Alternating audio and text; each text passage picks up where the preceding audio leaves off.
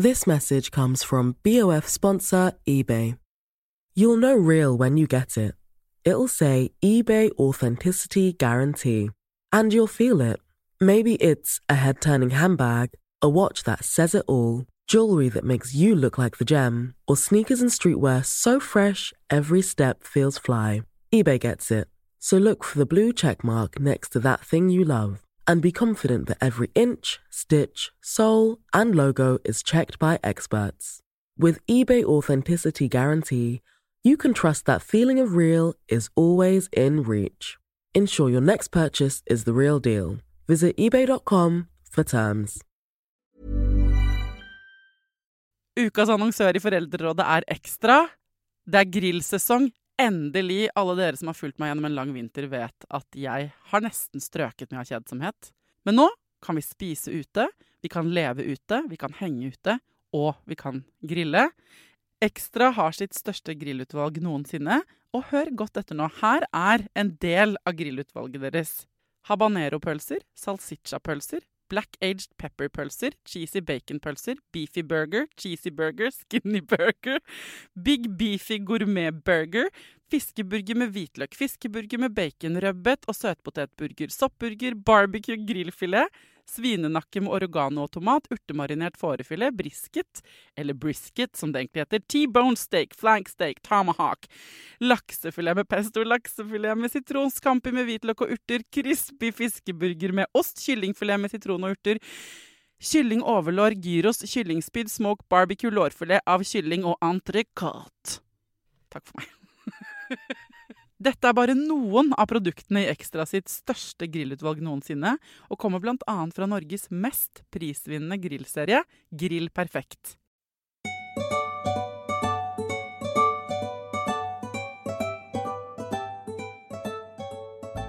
Hjertelig velkommen til en ny fredagsspesialepisode av Foreldrerådet. Eh, Det er jo sånn at når jeg sitter og scroller på telefonen min, så dukker det opp eh, ulike debattinnlegg og sant, folk jeg kjenner og ikke kjenner, som er engasjert i ulike ting. Så er det ett tema som både dere har etterspurt mye, og som jeg har hatt litt problemer med å navigere i hvor jeg skal starte å snakke om. eh, Som jeg også ser, ironisk nok, mye av på skjermen min. Og det er dette her med unger og skjermbruk. Og jeg vet at når jeg sier barn og skjermbruk nå, så sitter hver og en av dere som hører på, får en eller annen reaksjon. Åh, jeg orker ikke høre mer om det. Eller ja, jeg vet jeg har kjempedårlig samvittighet. Eller uff, må vi klage mer over det? Ikke sant? Det er derfor vi er her, folkens, nå. Fordi vi må begynne et sted.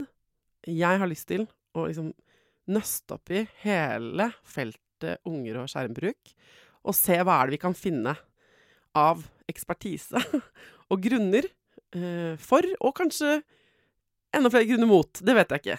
Og for å starte dette prosjektet, så har jeg rett og slett tatt kontakt med en jeg har sett på skjerm, uh, som sitter her sammen med meg nå, nemlig Siri Sjøgren Selmer. Velkommen. Tusen takk. Du er her fordi du har startet en kjempestor gruppe på Facebook som har tatt helt av, Mm. som heter 'Opprop for mindre skjermbruk i barneskolen'. Ta oss gjennom starten, Siri. Hvordan begynte det her, og når, og sånn? Altså, selve gruppa startet jo ved at jeg skrev en kronikk i Dagsavisen. Og den kronikken handlet om eh, at jeg syntes at eh, skjerm hadde på en måte tatt litt overhånd på barneskolen, da. Ja. Og den sluttet med at jeg skrev fordi jeg hadde sammenlignet eh, foreldre med David i David og Goliat-historien. Mhm. Og så sluttet jeg den kronikken med at la oss virkelig bli som David og ta Goliat, liksom. Og nå starter jeg eh, opprop for mindre skjermbruk på barneskolen på eh, Facebook, og meld dere inn. Mm. Og da raste det inn med påmeldinger. Altså, vi var jo liksom 8000 i løpet av to uker, tror jeg, og så har det Nå er vi 16 000, da. Og det er jo bare åtte uker eller tolv uker siden, eller noe sånt. Ja. Den startet. Og eh, eh, bare sånn for å gi folk litt info om deg, da, eh, så har du seks barn. Mm. Mellom 6 og 23 år. Eh, så du har lang karriere som mor. Gratulerer med det. Ja. Fy fader. Og småbarnsmor. og småbarnsmor. Jeg har faktisk vært småbarnsmor i 23 år. Å, fytti rassen. Det er mye.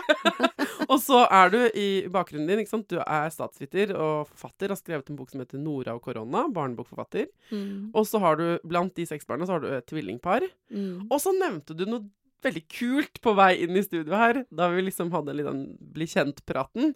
At du sa sånn Jeg er også sannsynligvis den som holder liksom, den uoffisielle rekorden i amming i strekk Ja. i Norge.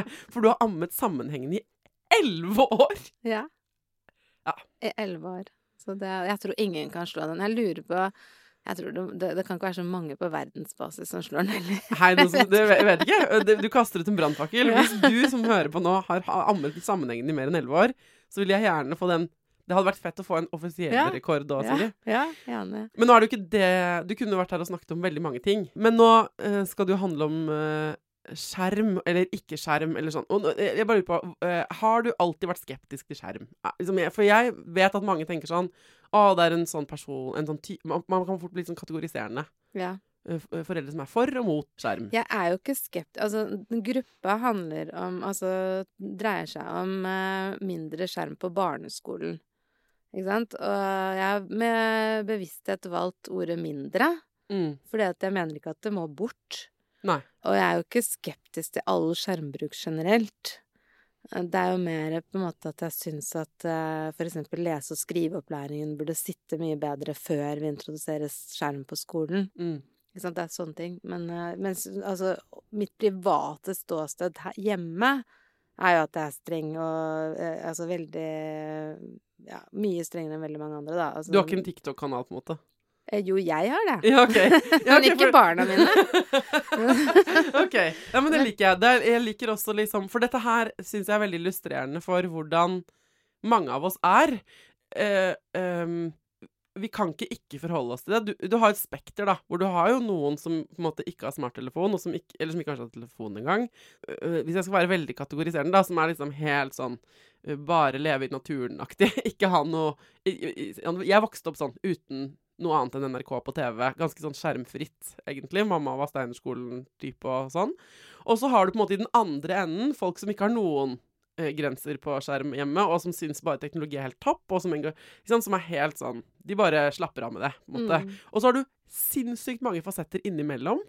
Og det går ikke an å sette folk liksom nesten For at noen har eh, da innvendinger mot eh, skjerm i skolebruk, eller andre tenker det viktigste er at barnet mitt ikke spiller, eller det kan godt spille, men ikke Fortnite, eller det kan eh, Så lenge det er sosiale ting, så kan vi Er skjerm positivt? Ja, ja, altså, jeg, jeg skriver en kronikk om det nå, faktisk, som jeg håper jeg skal få ut denne uka her. Og der skriver jeg at det er like mange forskjeller på hvordan skjermbruk styres hjemme som det er foreldre og barn. Mm. Ikke sant? Fordi det Det er det. eh, Altså, alle har sin egen oppskrift, og ingen er Altså, det er noe jeg står for når det gjelder det å være foreldre, som er på en måte egentlig litt mantraet mitt, og det er at alle vi vet hva som er best for våre barn hjemme. Selv, ikke sant. Det vet man best selv. Så her, altså min, mine ståsted er ikke noe som jeg prøver å dytte over på noen andre. Men, jeg syns på en måte at det er noe Altså skolen og, re, altså, og politikerne, altså nasjonale politikere og også kommunepolitikere, har et overordnet ansvar for å sørge for mange andre ting også. Og det er det jeg syns at eh, på en måte faller litt bort, da, når skjermbruk blir sånn som den er i dag i skolen, spesielt barneskolen. Men siden du har eh, seks barn mellom alderen 6 og 23, så har du jo hatt barn i barneskolen i innmari mange år. Jeg orker ikke å regne ut hvor mange år, egentlig. Ja, mange. Um, uh, hva er det du har sett i de årene som er liksom bakgrunnen for uh, oppropet ditt? Ja, det er nettopp det. Godt poeng. Det er at eh, det har jo blitt veldig forandret bare de siste par årene. Jeg har jo en gutt på 15, eh, og for han er jo ikke dette noe issue. Fordi han fikk jo ikke noe én-til-én eller noe egen PC på skolen i det hele tatt. Han begynte jo på, mm, på ungdomsskolen for to år siden bare, ikke sant. Så det har jo skjedd ekstremt mye akkurat de siste årene. Datteren min på 11, hun også, hun har jo heller ikke hatt noe problem med dette her. Det begynte med datteren min som er eh, fyller ti nå, altså da hun ble ni. Da fikk vi beskjed fra skolen at eh, hun skulle få sin egen PC, som eh, Eller at alle fjerdeklassene skulle få sin egen PC. Og det var det på en måte jeg reagerte på. Da tenkte jeg oi, nå kommer det sikkert til å bli veldig mye PC-bruk, og det har jeg ikke så lyst til. Og så, så det reagerte jeg litt på, men så begynte de med Minecraft på skolen. Og det får jo ikke hun lov til å spille. Eller hun spiller ikke Eller de spiller på Gameboy der på lørdager. Sånn gammelt Gameboys. Tetris, Tetris er dritkult. ja, som de har arva av de to brødrene sine på 15 og 23. Uh, men de får ikke Så hun kommer hjem, og hun er sånn veldig redd for å gjøre noe galt, eller liksom gjøre noe som jeg ikke syns er greit. Så hun var sånn helt sånn Oi, men mamma, nå måtte vi spille Minecraft på skolen. Og jeg bare hæ, what, liksom? Det er det Kan det kan det, Nei, det kan ikke stemme. Jo, og så tok jeg kontakt med skolen og spurte liksom, stemmer det? Og så syns jeg det var veldig dumt, da, fordi selvfølgelig, når man blir introdusert for Minecraft på skolen, så får man også lyst til å spille Minecraft hjemme. Men da må jeg nesten spørre, hva er galt med for deg med Minecraft? Det er jo veldig avhengighetsdannende, da. Å oh, ja. ja. Og så er det jo at det foregår på internett. Så det er jo ikke det. Man kan godt være 13 år og 14 år og spille Minecraft, men jeg syns det er for tidlig. Ja. Jeg vil helst at barna mine skal gjøre andre ting enn å bli sånn Altså bli så hekta på det, da. At det skal bli et issue hjemme. Det er mest egentlig, fordi vi var ikke så uh, strenge mot han eldstemann. Han fikk uh, Da var det jo Gameboy. så han fikk sitt første Gameboy da han var seks år. Og, men da syns vi liksom at det tok veldig lett overhånd. At, mm. han, at det ble en diskusjon hjemme på lørdager når han hadde spilledag, liksom. Så ville ikke han gjøre noe annet. Han skulle bare sitte hjemme og spille. Så vi syns at det liksom tok mye av familietiden, da. Og, og det var jo ingenting i forhold til hvordan det er nå, ikke sant. Fordi nå i dag så har de jo alt mulig, ikke sant. Så nå mm. er det jo så tilgjengelig, ikke sant. De har PlayStation, de har Altså barn har PlayStation, de har Det er mange skjermer. Det er det, dem, og det er iPads og det er, ikke sant. Så nå tenker jeg at den diskusjonen må jo være Altså hjemme hos oss har ikke det blitt noe mer, fordi mine barn får ikke sånne ting før de fyller 13 år. OK.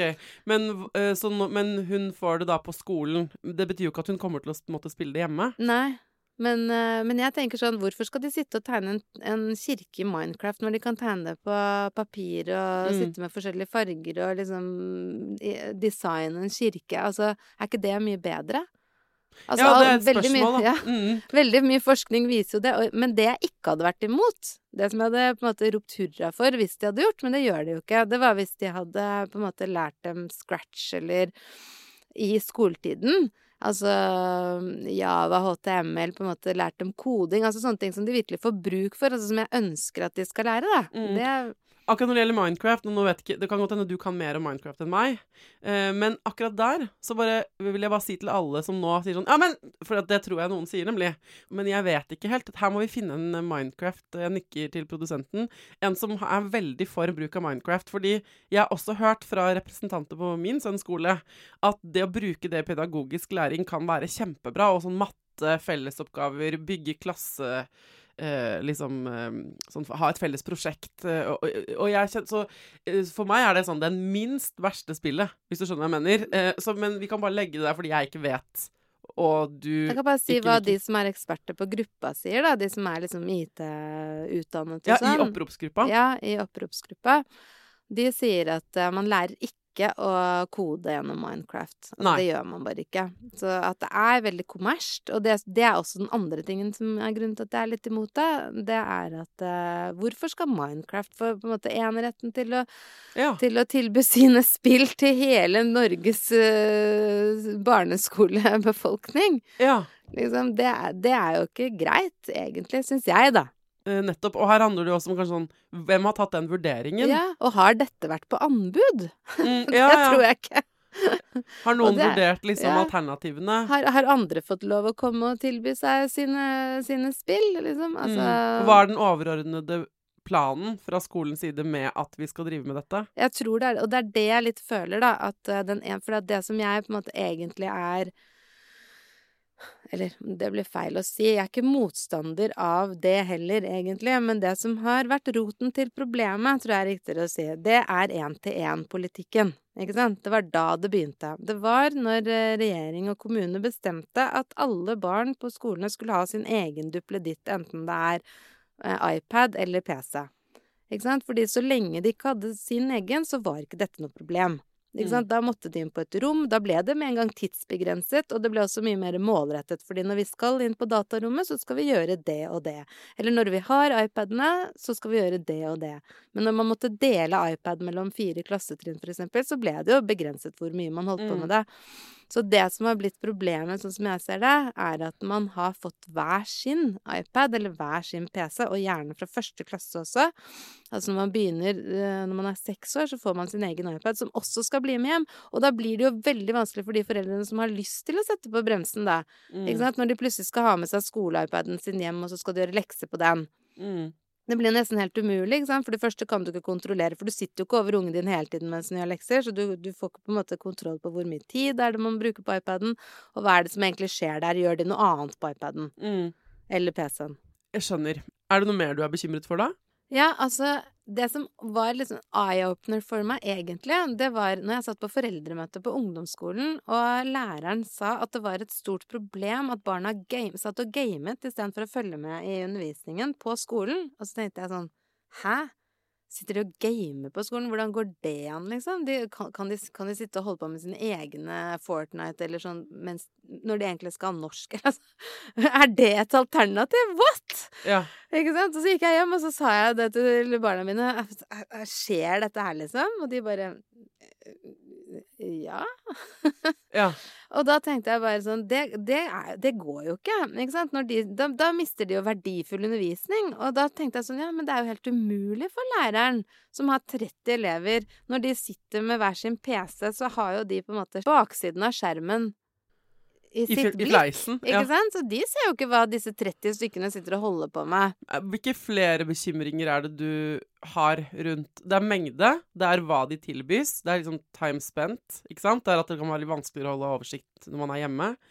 Er det flere bekymringer? Hovedbekymringen min handler egentlig om at jeg vil at barna mine skal øh, få skrivetrening, og da mener jeg med blyant og penn. Mm. Fordi at øh, jeg tenker at etter hvert, det vet jo vi som er voksne, så sitter vi jo bare på PC-en. Men, men vi som er voksne, det var en som spurte meg det, øh, om det i et intervju, så sa hun liksom ja, men du sitter på PC-en hele dagen. Ja, men jeg kan skrive for hånd.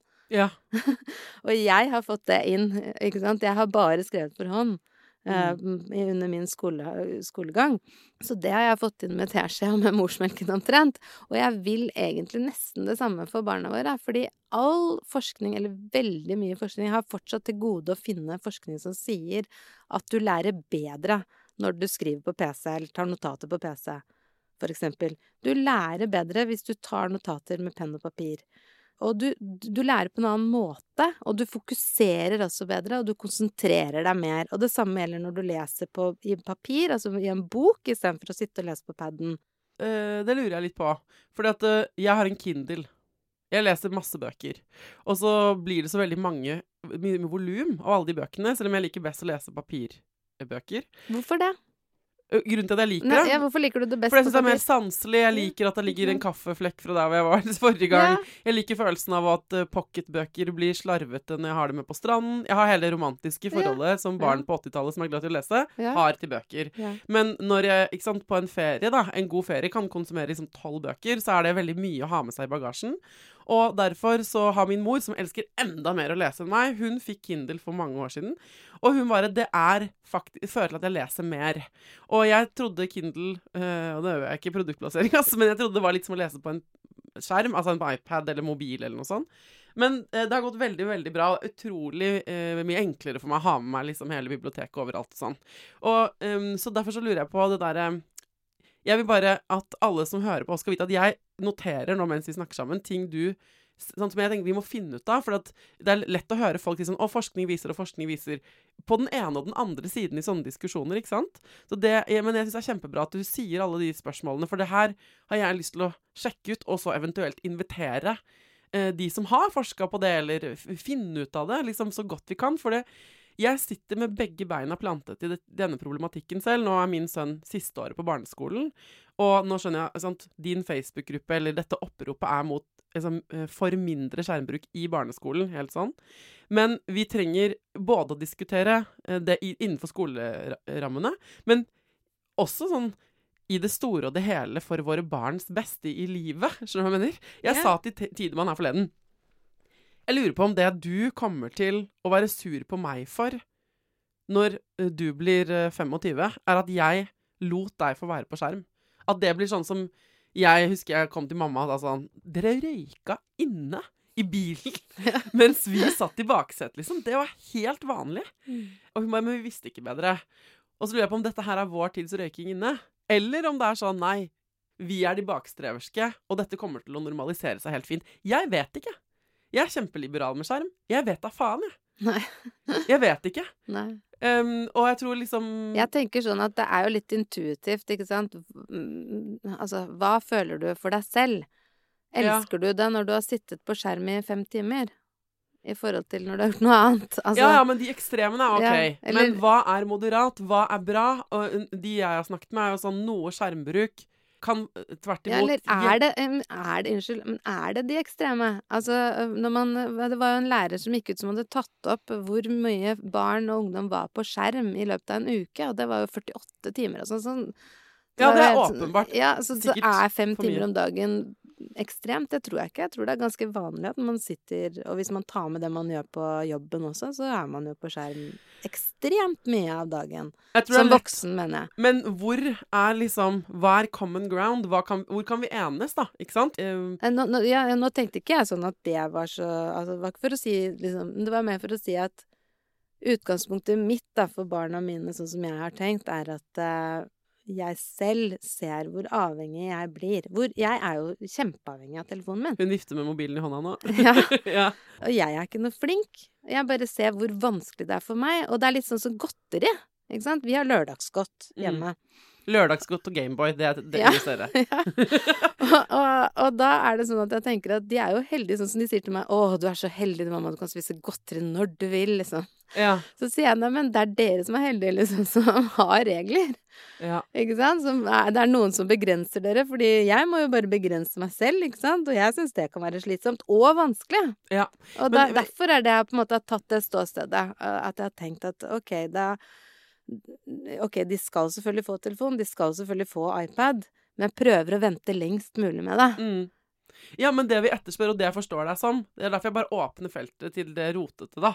eh, eh, Før vi rydder opp i det igjen. Eller at jeg kan få hjelp her av eksperter til å faktisk rydde opp i det. Fordi det er uunngåelig å forholde seg til den digitale tidsalder. Liksom, Barna våre må lære disse tingene. Hvis de ikke, ikke sant? Argumentene for skjerm er jo sånn eh, De må lære det. Eh, De må lære å navigere i en del av de rommene. De må, det, er, det er en del av samfunnsdebatten. Det er Enten vi liker det eller ikke. ikke sant? Alt det der. Og eh, vil det være bedre for dem på sikt å eh, ikke lære disse tingene også på skolen? Skal skolen være utenfor det, og så skal det være fritidsbasert, den skjermbruken? Jeg skjønner at det ikke er Ja, så lett. Skal jeg få svare på det, da? Lære det, altså det lærer de på to sekunder. Altså de aller fleste toåringer kan navigere en iPad, som, altså, som har fått en iPad. Så, så, så det er jeg ikke redd for. Sønnen min, da, som ikke har hatt én-til-én på skolen, han på 15, og som har hatt det ganske strengt hjemme, han begynte jo med koding da han var 13. Han koder jo nå i Java, HTML og ikke sant, kan alle de kjempespråkene. Når han hørte at søsteren sin da på ni år fikk PC på skolen, så lo han, og så sa han bare 'hæ? What? Hva skal de med det, liksom? Mm. De trenger jo ikke det i det hele tatt. Så jeg, nei, de sier at de må lære seg å bruke det. Bare, Det lærer de jo uansett. Mm. Ikke sant? Og så er den andre tingen med læring er Lærer de egentlig det på skolen? Og det har vært det spørsmålet som jeg har prøvd å løfte, da. Ja. Hva er det egentlig de lærer på skolen? Altså, det å sitte og bruke en iPad er ikke det samme som å lære eh, digital eller å bli god på digital teknologi. Jeg kan navigere en iPad. Jeg er ikke god på digital teknologi. Jeg kan ingenting om det. Jeg kan ingenting om koding. Men jeg kan jo absolutt bruke en PC, og jeg kan bruke en iPad og Mm. en iPhone. Ikke sant? Og det er, så det er, det er to forskjellige ting. Det jeg ønsker at de skal lære på skolen, og som jeg tror veldig mange foreldre ønsker at de skal lære, er jo nettopp uh, det som de sitter og holder på med. De som eh, lager disse programmene og lager apper. Og de, altså de som kan det. Mm. Og ikke minst det å uh, få vett. Altså nettvett. Men det lærer du heller ikke på skolen. Fordi at eh, på skolen blir det jo introdusert Altså, eh, altså det kommer jo av porno og alt mulig som verre er, liksom, på disse niåringene sine iPader. Mm. Ikke sant? Det er de jo helt uforberedt på. Og liksom Ja, ikke sant. Foreldre opplever jo at de kan plutselig bare ta et i barnas telefon, og så er det et eller annet eh, pornografisk drøyt, der liksom, som er ja. litt sånn Ja, Nei, jeg vet ikke hvor det kom fra. Det pop-up-bildet som jeg ikke aner hva er. Ja, men det kan være helt vanlig sex, men du bare what, liksom? Men, men ja, ja, Altså, det skal en niåring se, det er jo ikke noe du er Men det er jo ikke sånn at de ser det noe mindre fordi de ikke åpner det på skolen. Eh, hvis Fordi jeg har har nå skal, jeg- Og jeg, til alle dere som hører på som syns det er litt irriterende at jeg er vrang Dette gjør jeg bare fordi at jeg, eh, jeg har lyst til å få frem alt det jeg mener. Fordi jeg tror det er så Denne diskusjonen har vi overalt. Og jeg har den med vennene mine, og jeg har den med meg sjæl, ikke minst i mitt eget hode. Og når det gjelder f.eks. porno, da, eller andre sånne uh, fæle ting, uh, i så er det jo sånn at Det er jo ikke sånn at ehm, det at barnet ditt ikke har iPad på skolen eller skjerm på skolen, gjør at de får noe mindre porno i fleisen hvis Jo. de eier en telefon. Jo, jo, jo, de kan det. Ja, de Fordi kan du, det. Nei, hvorfor de kan det, er fordi at uh, Jeg har jo ikke hatt dette problemet fordi mine barn har ikke hatt det, men det har jeg lært nå, og da kom jeg inn på en ekspert som du burde invitere. Ja, det er. Krist, Christer Aas, Mm. Uh, som var han som var IT-eksperten på Debatten da de hadde dette opp som tema. Eh, og han er også med i gruppa. så At du- man kan ha skjermkontroll på barna, ja, det er en Nei, ting. nei, ikke bare skjermkontroll, men hvis du lager en egen bruker Hvis du lager en egen bruker til barna dine, så får de ikke Altså, så er både YouTube og Snap og TikTok og Ja. alle på en måte Og det tror jeg alle, eh, inkludert min, eh, telefon, barn, mine eller barna jeg omgås, og mitt eget barn, de er jo sikret på alt det, selvfølgelig. Så de får ikke noe porno hjemme? Nei. sin. Men det betyr jo ikke at ikke de har venner som har venner som, akkurat som med pornobladene på 80-tallet, ikke sant? Ja. Og det som, eh, når jeg har hatt en sexolog i studio her, eller andre som er eksperter på nettopp det med seksualitet, eller Kripos, så sier de det som er faren med det, da, å lukke det ute og tenke det får ikke mitt barn tilgang til, er at man også lukker ute den kommunikasjonen, kanskje, med barnet om disse tingene. Og det er her det er liksom viktig, tror jeg, at folk Og er ikke, jeg er ikke eksperten her, men det de har sagt til meg, da, sier de, er liksom eh, Barn kommer til å se porno, enten Ja. du har iPad på skolen eller ikke, eller mobil eller ikke Men hjemme. helst ikke når de er seks eller ni år. Liksom. Helst ikke, men verden er full av det, så det er nesten umulig. Og derfor så er det det Ja. der å liksom vaksinere dem mot det ved å ikke vise dem det, men å fortelle at det fins. Si sånn er det. Hvis du ser det, så er det ikke for barn. Hvis du ser noe du syns er ekkelt på internett eller på en annen skjerm, eller sånn, ikke skam deg over det. Det skjønner jeg at du syns er spennende, men kom og snakk med meg om det. Alle de tingene der. Og det er jo kjempeviktig. Så den døren må stå på gløtt. Så tror Ja, jeg liksom det Men man der... trenger ikke å ha Fordi det vil jeg ikke sant? Jeg snakker med barna mine om det. Man trenger ikke å ha iPad eller eh, iPhone for å snakke om det. Nei, nei, ikke det hele tatt. Men men jeg tror liksom det, Vi favner fort i sånn herre enten-eller-land. Og så er kanskje sannheten sånn Vi kan ikke gjemme oss for teknologi uansett. Eh, vi må uansett holde den dialogboksen åpen, fordi de kommer til å være eksponert for ting, selv om du har sikret ditt barn. På samme måte som jeg kan lære mitt barn å gå eh, følge trafikkreglene. Jeg kan lære han å ikke snakke med fremmede, eller ikke ta imot godteri fra fremmede. Jeg kan lære han alt det, men han skal ut i en verden hvor masse andre folk ikke følger de reglene nødvendigvis. Og da kommer han til, uansett hvor mye jeg beskytter han, til å havne i en del situasjoner som da jeg må ha informert han om å håndtere. For hvis jeg ikke har fortalt at de farene fins, hvis ikke jeg har lært han å håndtere de utfordringene, da, eh, så kommer han jo til å møte verden ganske sånn eh, naiv, ikke sant? Men dette her handler mer om, ikke bare om eh, jeg, er selvfølgelig helt enig i at liksom porno ikke hører hjemme på skole-iPaden. Det er ikke det jeg mener. Eller at barn burde se det i det hele tatt. Small details are big surfaces. Tight corners are odd shapes. Flat, rounded, textured, or tall. Whatever your next project, there's a spray paint pattern that's just right. Because Rust new Custom Spray 5 in 1 gives you control with five different spray patterns. So you can tackle nooks, crannies, edges, and curves without worrying about drips, runs, uneven coverage, or anything else. Custom Spray 5 in 1. Only from Rust Hold up. What was that? Boring. No flavor. That was as bad as those leftovers you ate all week. Kiki Palmer here, and it's time to say hello to something fresh and guilt-free. Hello Fresh. Jazz up dinner with pecan-crusted chicken or garlic butter shrimp scampi. Now that's music to my mouth. Hello Fresh. Let's get this dinner party started. Discover all the delicious possibilities at hellofresh.com. Ukas annonsør i Foreldrerådet er Nextory.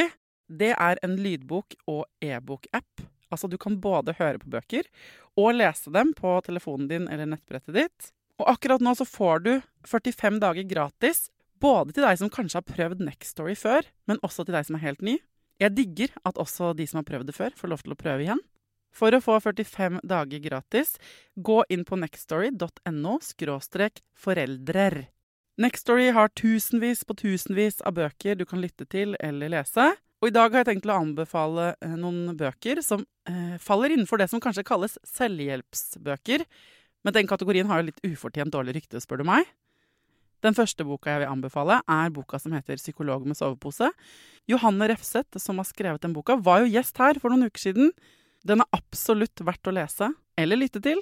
Andre anbefalingen jeg vil gi deg, er Sissel Grans bok 'Men størst av alt er begjæret', som handler om det å begjære noen andre enn den du er sammen med. Og jeg har også laget en episode med Sissel Gran om det temaet for et par år siden. Den boka er fantastisk. Hvis du har lyst til å prøve ut Nextory for første gang, eller eh, har prøvd ut før, men vi prøver det ut igjen helt gratis i 45 dager, gå inn på skråstrek foreldrer. Jeg syns det du sier er kjempeviktige og gode poenger, og jeg er all for at man må snakke med barna om alt mulig. Mm. Altså, det må man. Og enhver inngangsport til sånne dilemmaer er jo kjempebra inngangs... Altså, det å få en inngangsport til å prate om noe sånt, det må man jo bare gripe tak i og ta med en gang. Mm.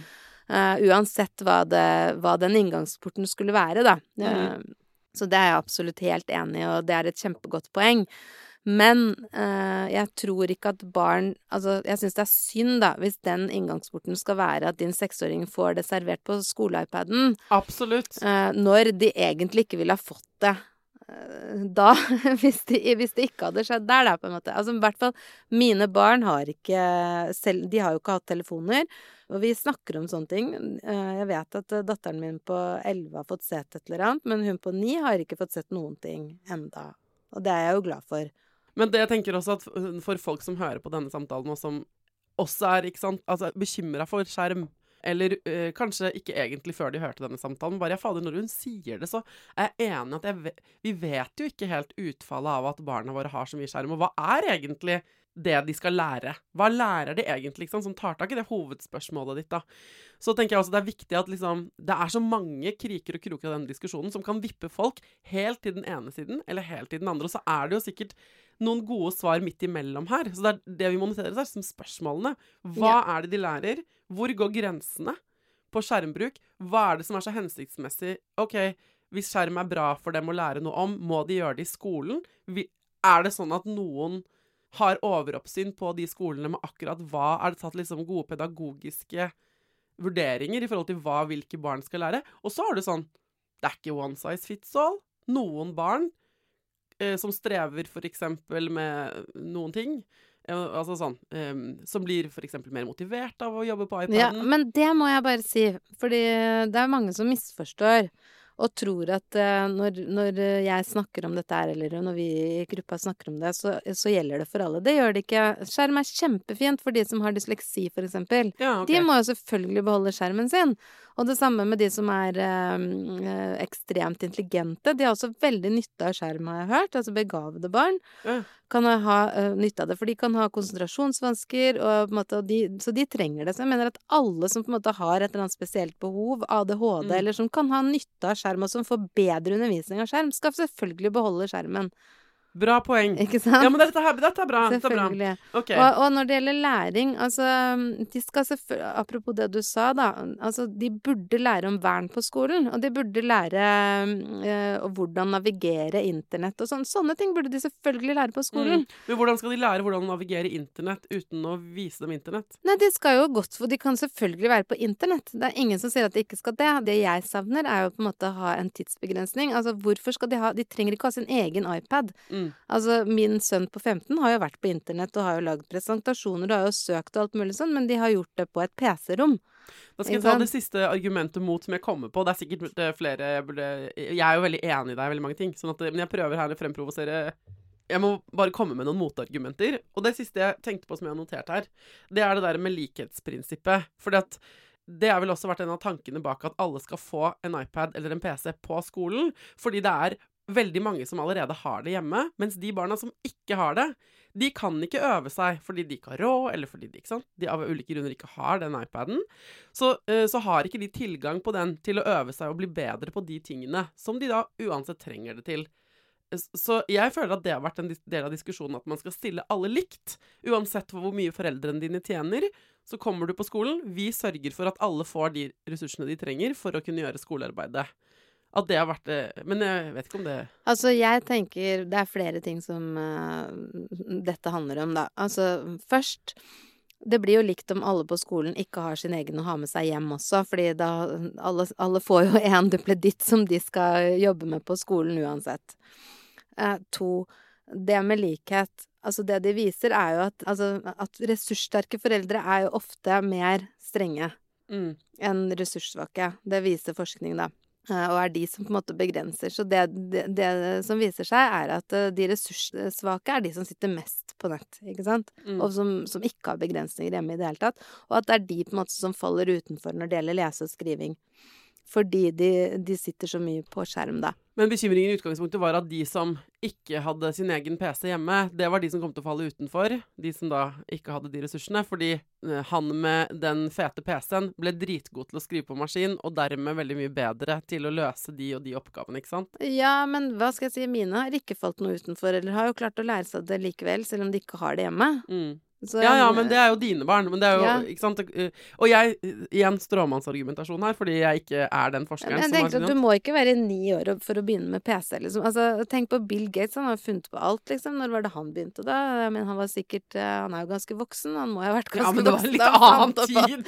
ja, men mener Altså, det er ikke helt sant. ja, men du kan jo finne opp, altså, selv om du ikke har hatt noe tilgang, liksom, hvis du har altså, ja det da, det fins noen sånne historier. Det gjør det. det gjør det.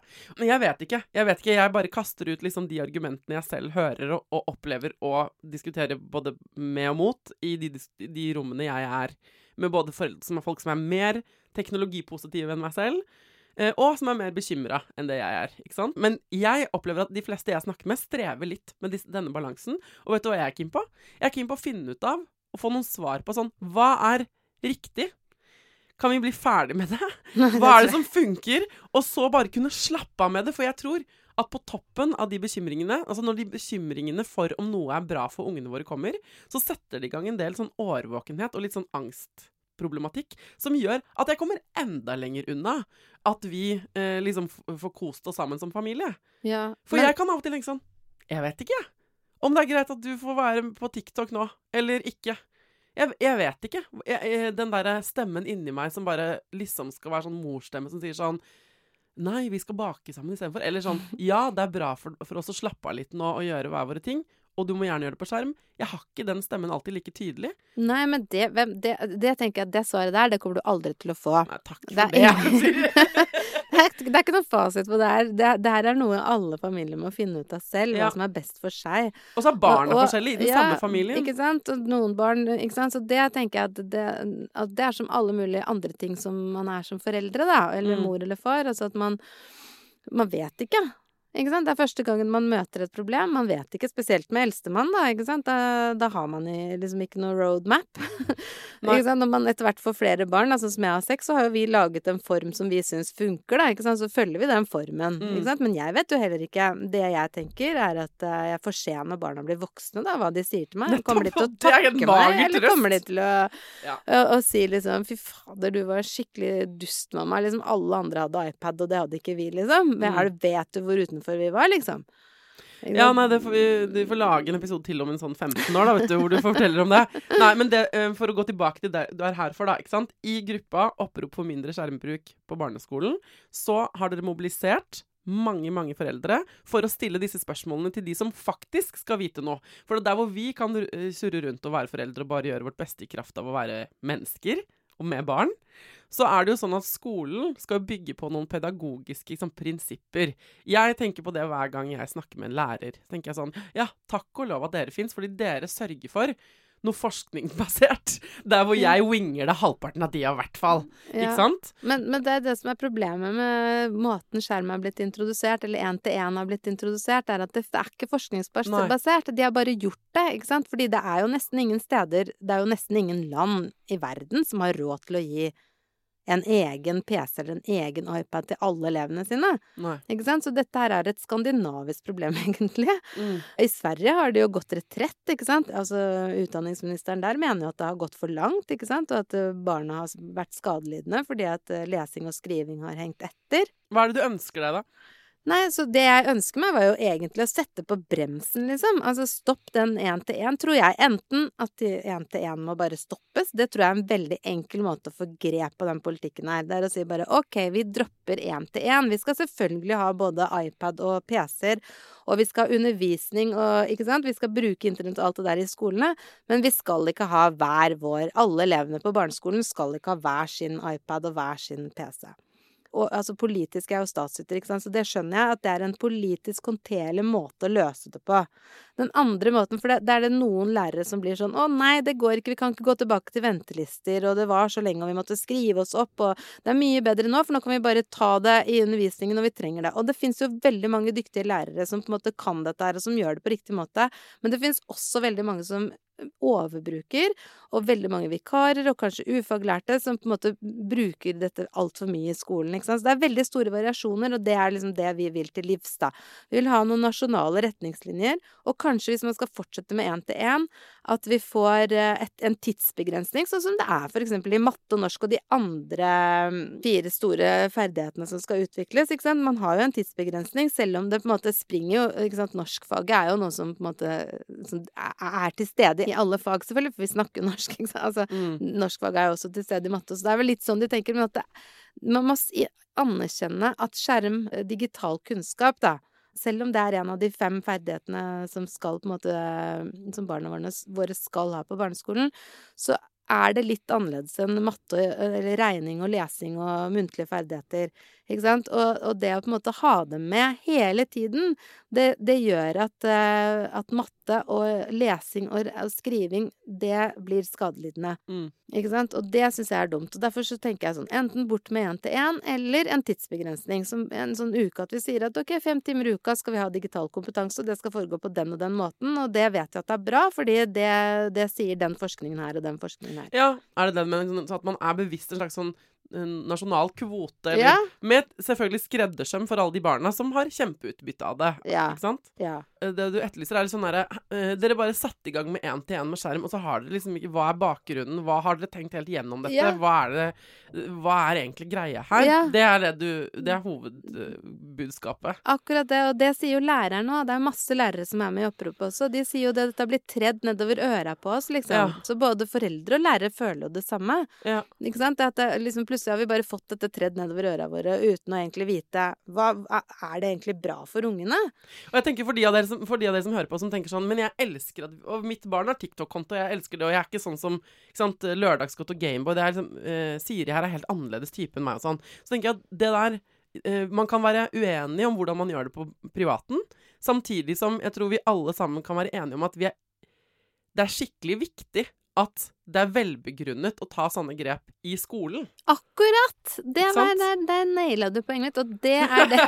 det var bra. Ja, og det, og det er det Det skriver jeg kronikk om nå, faktisk. At, for det er nettopp det politikerne sier.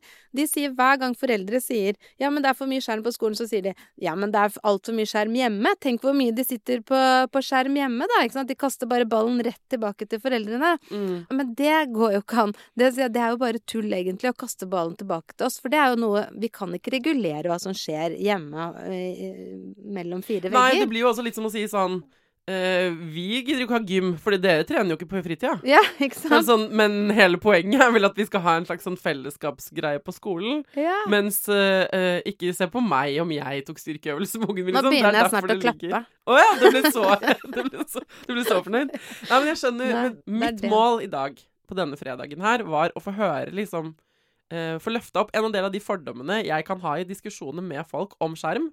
Og det vet folk sitter og har hjemme. For å forstå liksom bakgrunnen for det oppropet, ikke sant?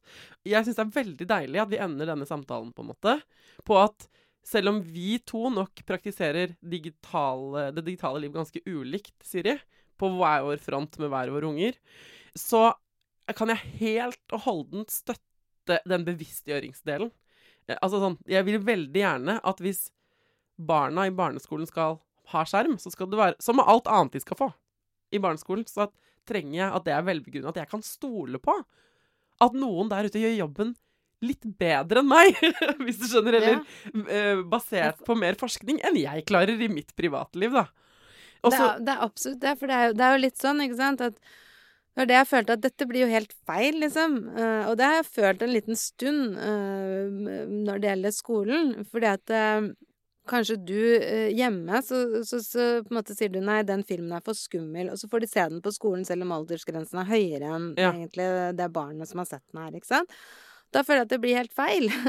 Fordi ikke sant, plutselig kommer barnet hjem og er mør mørkredd eh, fordi at læreren vet ikke, ikke sant. Det sitter 30 forskjellige elever i klassen. Noen ja, blir mørkredd av det, noen blir ikke av det, ikke sant. men man kan snu på det og si sånn Ja, men du kan også ha- skikkelig religiøst eller eh, kulturelt, sosiokulturelt, eller, eh, eller for liksom rare foreldre, eller hva som helst, som bare OK, du skal Og de skal jo få bestemme over ungene sine, eh, ikke sant? Og når skal de lære om sex? Når skal de Alt Ja, men der der har man jo en aldersgrense, ikke sant. Det er derfor jeg tenker Det, det, det, Ja, det men der For eksempel en også- film, så er det jo en aldersgrense. Den tenker jeg skolen må jo følge aldersgrensen. Ja, det kan jeg være enig i, men med alt mulig annet sånn Det derre og hvis man har For man skal Lærerne skal jo på en måte både catere til familier som er kjempemye øh, i teknologisk verden, og veldig mye ute, eller veldig liberale når det gjelder å snakke om øh, ting hjemme eller sånn, og til de som ikke er det, fordi de har gode grunner til å ikke være det. Og så skal de møtes oss på midten, og det er der de har tenkt at dette har vært en god idé, tror jeg. Og så bare har, får de de kanskje ikke helt til, da. Ikke sant? Men folk som engasjerer seg i dette, på den ene eller den andre måten, hva er det de kan gjøre, de som hører på nå? Altså hvis man har lyst til å Det jeg gjorde, var at jeg gikk til rektor på skolen til barna mine og sa at eh, jeg vil ikke at barna mine skal bruke PC så mye i, i timene. Eh, så når der det er mulig eh, når de andre f.eks. tegner kirke i Minecraft, så vil jeg at barna mine tegner på ark og, og, Blyant, tegner- liksom. og blyant eller fargestifter. Ikke sant? Og da fikk de det. Så de får det så, så langt det er mulig. Og de gjør leksene på ark med ark og blyant istedenfor på PC, Altså, eksempel. min unge hadde klikka hvis jeg hadde tvunget han til å tegne på ark istedenfor å få være med klassen på det. Mm. Så For det, det er jo Nei, men hva kan foreldre gjøre? De kan i Ja, hvert ja. fall gå til skolene da, og snakke med skolene mm. hvis de er imot det. Og så kan de også mm, på en måte engasjere seg. De kan bli med i gruppa. De kan bli med på demonstrasjon. Vi skal ha demonstrasjon for mindre skjermtid på barneskolen. Nå 14. mai, 14. mai foran Stortinget. klokka ett. Klokka ett, ja, om en uke og to dager. Og så kan man jo gå inn på gruppa deres, som da heter 'Opprop for mindre skjermbruk i barneskolen'. Og så kan dere lese litt, folkens, for da jeg meldte meg inn, så folk har ulike innfallsvinkler. Det er mange fra ulike deler av det spekter i den gruppa, kan jeg bare si. Absolutt. Og jeg tenker at det er flere av uh, Jeg spurte der i den tråden uh, Hei, hvem vil komme og snakke om dette i Foreldrerådet? Og du er jo den som startet gruppa, så du er her nå. Men jeg har fått mailer fra mange andre også som har meldt seg på, som vil belyse ulike sider av denne saken, da. Og, eh, for det er ikke noe one size fits all, folkens. Folk har ulike grunner til å være bekymra for skjermbruken. Og eh, hvis du som hører på tenker sånn Jeg er helt uenig. Jeg sitter på forskning som eh, snakker imot det Siri her eh, sier noe om. Så er du megainvitert til å sende meg en mail på foreldreradet.gmail.com eller sende meg en melding på Instagram. Fordi eh, jeg har lyst til, sammen med dere, å finne ut av og liksom kartlegge dette terrenget så godt vi kan. Mm. Do's and don'ts, hvis det fins. Noen med to streker under. Og alt mellom, ikke sant? Fordi um, det er et felt som er skikkelig vanskelig å navigere i for oss alle sammen. Ja, og jeg tror, som jeg sa i sted, at uh Altså, vi er forskjellige som foreldre, og vi må respektere hverandre foreldre, men eh, som foreldre, ikke sant, og vi må respektere at vi alle vet, eller gjør som best vi kan det som vi tror og er overbevist om at er best for våre unger. Ja. Ikke sant? Men som du sa, da, at skolen må på en måte ha et overordnet ansvar og på en måte gå foran som et godt eksempel. Så de må vite i mye større grad at dette er bra for barna våre. Og ikke minst at det er bra for deres lese- og skriveopplæring og Mm. regneopplæring. Det er derfor de går på skolen. Det er for å lære å lese og skrive og regne, blant annet, og sosiale ferdigheter, selvfølgelig. Og liksom finne den best mulige måten å lære det til barna våre på. Ja, det er jeg veldig enig med deg i. Tusen takk for at du kom og tok denne diskusjonen eh, som det ble. Eh, jeg mente ikke å være vrang, jeg bare eh, trengte å grave i hjernen din. Du var ikke vrang i det hele tatt. Eh, jeg håper at eh, neste gang vi ses, at du har fått en slags offisielt stempel på den ammerekorden din. Fordi det mener jeg at uh, burde finnes liksom en slags medalje eller noe. Det, hadde, det fortjener du om det er du som holder rekorden eller ikke, ass. OK. Men jeg lurer på en ting. Kan jeg spørre om noe uh, som egentlig er litt privat, da? Hva syns bar dine seks barn om at du er så engasjert i dette? Altså, det de sier, er at de syns det er kult. Og de oh, ja. er jo veldig eh, Hva skal jeg si De vil jo være med på demonstrasjonen og skrive, liksom lage banner og komme med slagord og sånn. Vi er veldig sånn vi er en sånn stor familie som har sånn felles prosjekt. Ikke sant? Jeg er forfatter, barna mine er skuespillere, de er med i masse forskjellige oppsetninger. Så vi, vi lager jo veldig mye sånn innhold for eh, sammen, ikke sant, for Instagram. Så jeg er jo ikke imot det. Så at dette er jo liksom også et felles prosjekt da, for Ja. oss. Men, altså, så de syns det er kjempegøy. Og, og det som jeg syns er fint, apropos liksom når man skal få en sånn hvis det er sånn at barna skal fortelle deg var det greit når de blir voksne, så har jeg jo en på 23 som jeg også har vært ganske mye strengere enn de andre foreldrene for, og han er veldig glad for det i dag. Ja. Så du er allerede liksom Du føler deg helt innafor med dem? Men man vet jo aldri, ikke sant? Ingen av oss vet hva barna Plutselig er han 30, så sier han noe helt Ja, ja. annet. Og jeg, jeg, tenker ofte sånn Det er ingen av oss som vet eh, hva de kommer til å gå i terapi og snakke om Nei, og så blir det om, om 30 år. Det jeg syns blir spennende, det er hva kommer de til å gjøre for sine barn? Ikke sant? Da kommer jeg til å se det litt. Ja. Så det, og det er helt åpen. Jeg kommer ikke til å blande meg om ungene deres sitter og ser på iPad og alt sånn hele dagen. Altså, det er deres. Like lite som akkurat som jeg syns at Altså, jeg vet ikke hva som er Dette er ikke noe fasit. Jeg har ikke lyst til å prakke på noen andre min, mitt opplegg.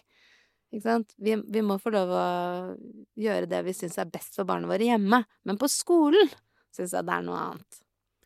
Hvis du som hører på nå ble eh, veldig engasjert på den ene eller den andre siden, irritert på meg, irritert på Siri, irritert på internett, irritert på 2023, og at vi må forholde oss til den dritten her i det hele tatt Jeg kan av og til liksom lengte til sånn Hva skjedde med den tida hvor vi bare pirket med pinner i sanden og badet og fisket krabbe, liksom? Så hvis du kjenner på noe av de der følelsene der, eh, send meg gjerne en melding på Instagram. Eh, eller send meg en mail, foreldreradet altså, at gmail.com. Og det gjelder ikke bare internett og nettbruk og alt det der. Det, eh, skjerm. Det gjelder alle mulige temaer, folkens. For det, de fredagsspesialene her, her er døren høy og porten vid, eller hva det heter. Du, eh, vi kan invitere hvem du vil til en skravl om det du vil. Eh, til neste gang, ta vare på deg sjæl, ta vare på ungen din, og lykke til.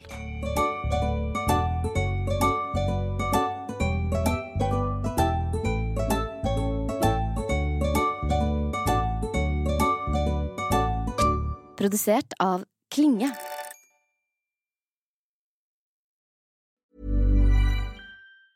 Even when we're on a budget, we still deserve nice things. Quince is a place to scoop up stunning high-end goods for 50 to 80% less than similar brands. They have buttery soft cashmere sweaters starting at $50, luxurious Italian leather bags, and so much more. Plus, Quince only works with factories that use safe, ethical, and responsible manufacturing. Get the high-end goods you'll love without the high price tag with Quince. Go to quince.com slash style for free shipping and 365-day returns. Hold up. What was that? Boring. No flavor. That was as bad as those leftovers you ate all week. Kiki Palmer here, and it's time to say hello to something fresh and guilt-free. Hello Fresh. Jazz up dinner with pecan-crusted chicken or garlic butter shrimp scampi. Now that's music to my mouth. Hello Fresh. Let's get this dinner party started. Discover all the delicious possibilities at hellofresh.com. Hey, it's Paige DeSorbo from Giggly Squad. High quality fashion without the price tag. Say hello to Quince. I'm snagging high-end essentials like cozy cashmere sweaters, sleek leather jackets, fine jewelry, and so much more. With Quince being 50 to 80% less than similar brands. And they partner with factories that prioritize safe, ethical, and responsible manufacturing. I love that. Luxury quality within reach. Go to quince.com slash style to get free shipping and 365 day returns on your next order. Quince.com slash style. Mom deserves the best, and there's no better place to shop for Mother's Day than Whole Foods Market. They're your destination for unbeatable savings, from premium gifts to show-stopping flowers and irresistible desserts. Start by saving 33% with Prime on all body care and candles. Then get a 15-stem bunch of tulips for just $9.99 each with Prime. Round out Mom's menu with festive rosé, irresistible berry chantilly cake, and more special treats. Come celebrate Mother's Day at Whole Foods Market.